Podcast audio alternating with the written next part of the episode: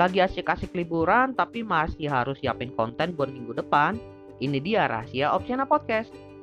Semua konten udah gue siapin terlebih dahulu, kemudian gue atur schedule-nya. Dan semuanya gue lakuin dalam satu aplikasi aja loh. Iya bener banget, gue pakai Anchor. Semua proses produksi podcast pun jadi cepat dan mudah. Liburan gue pun jadi aman. Semuanya berkat Anchor. Tunggu apa lagi? Langsung aja pakai Anchor.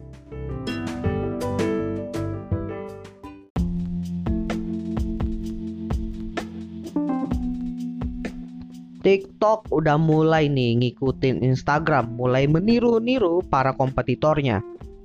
Cuma strategi yang dipakai TikTok nih berbeda daripada Instagram. Di mana kalau Instagram itu fitur dari kompetitornya diambil kemudian diubah sedikit, ditweak kemudian dimasukin ke aplikasi Instagramnya. Nah kalau TikTok ini beneran bikin apps berbeda dengan fitur dari kompetitornya. Ya ada tweak-tweaknya dikit lah cuma balik lagi bikin aplikasi baru yang mirip sebagai kompetitor dari kompetitor mereka.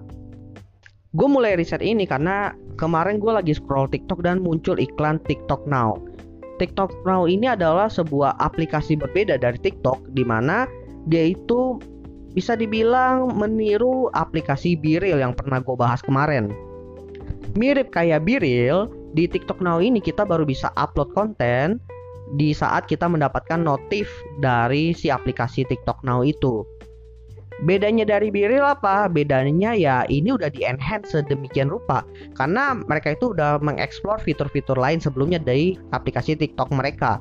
Jadi mereka di situ mulai masukin beberapa fitur yang existing kayak bisa ngupload video.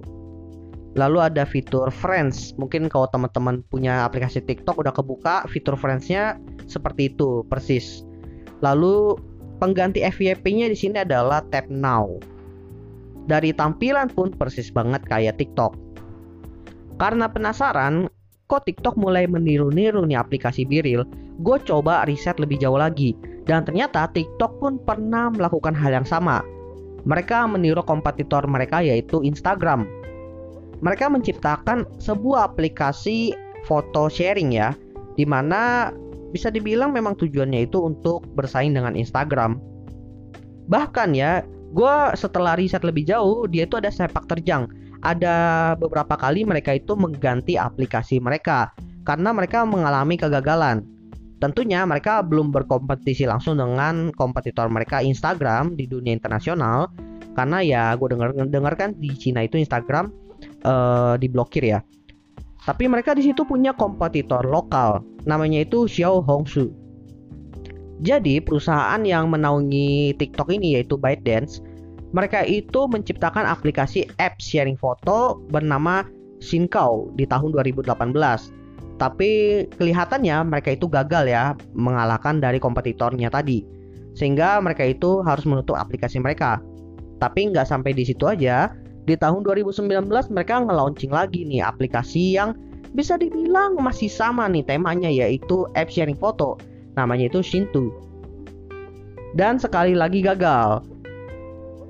Dan apakah mereka berhenti sampai di situ aja? Jawabannya enggak. Buktinya di tahun 2022 mereka launching lagi nih aplikasi Kesong. Ya masih sama lah app sharing foto tapi mereka bilangnya fokusnya itu ke lifestyle. Tapi balik lagi, ini adalah aplikasi untuk menyaingi kompetitor lokal mereka.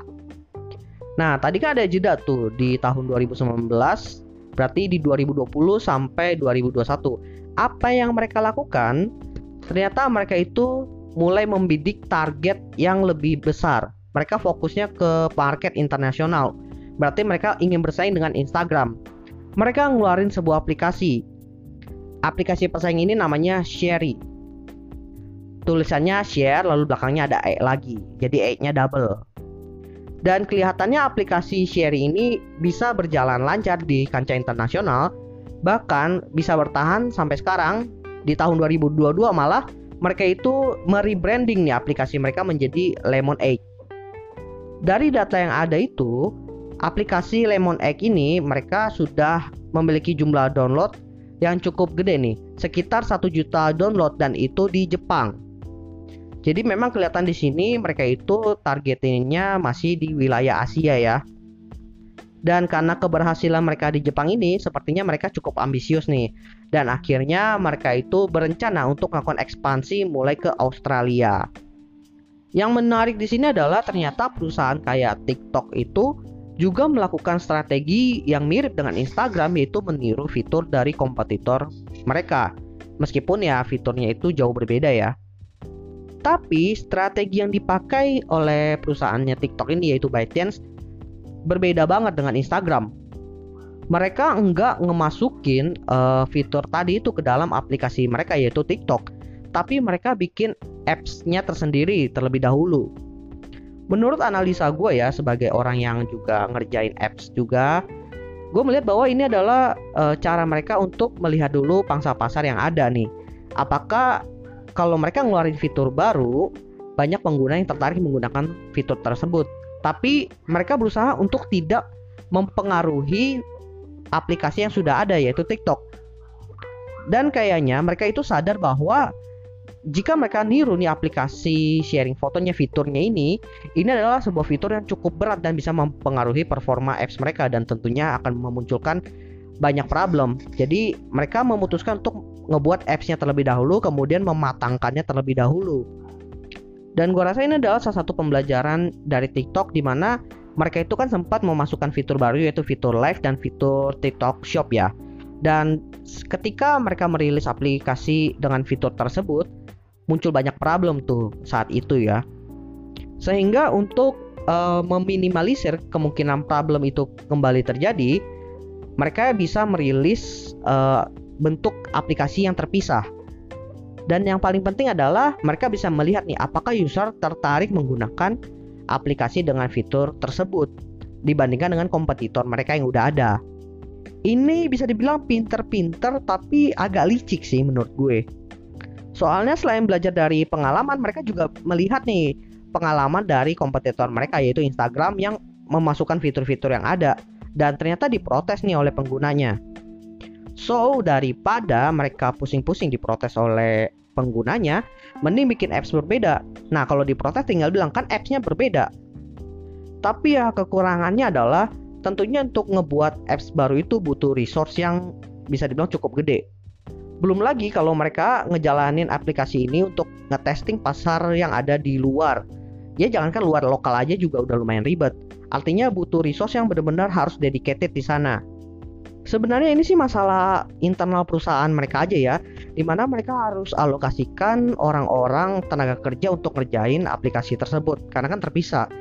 Nah, pertanyaannya adalah apakah mereka nge-hire orang baru untuk ngerjain aplikasi tersebut, atau mereka mempekerjakan orang yang memang kerja di sana untuk text double apps.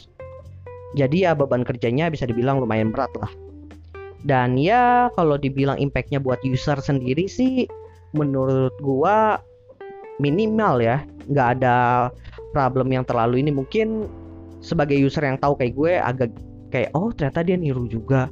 Cuma nggak bisa komentar lebih banyak aja well gue rasa itu aja yang pengen gue sampaikan kali ini menurut kalian gimana nih strategi yang dilakukan TikTok dalam meniru fitur kompetitor mereka dengan membuat apps baru yang terpisah Oke, okay, gua rasa itu aja. Thank you buat teman-teman yang sudah mendengarkan. See you next time di episode selanjutnya.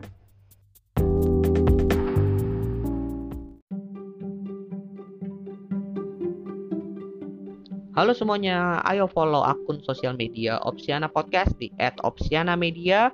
Kalian bisa temukan di Instagram dan juga TikTok. Karena di sana akan banyak konten-konten menarik dan tentunya update terkait episode terbaru dari Opsiana Podcast. Oleh karena itu, ayo cepat di follow sehingga tidak ketinggalan update terbarunya. Terima kasih dukungannya teman-teman, jangan lupa di follow dan juga see you next time di episode lainnya. thank you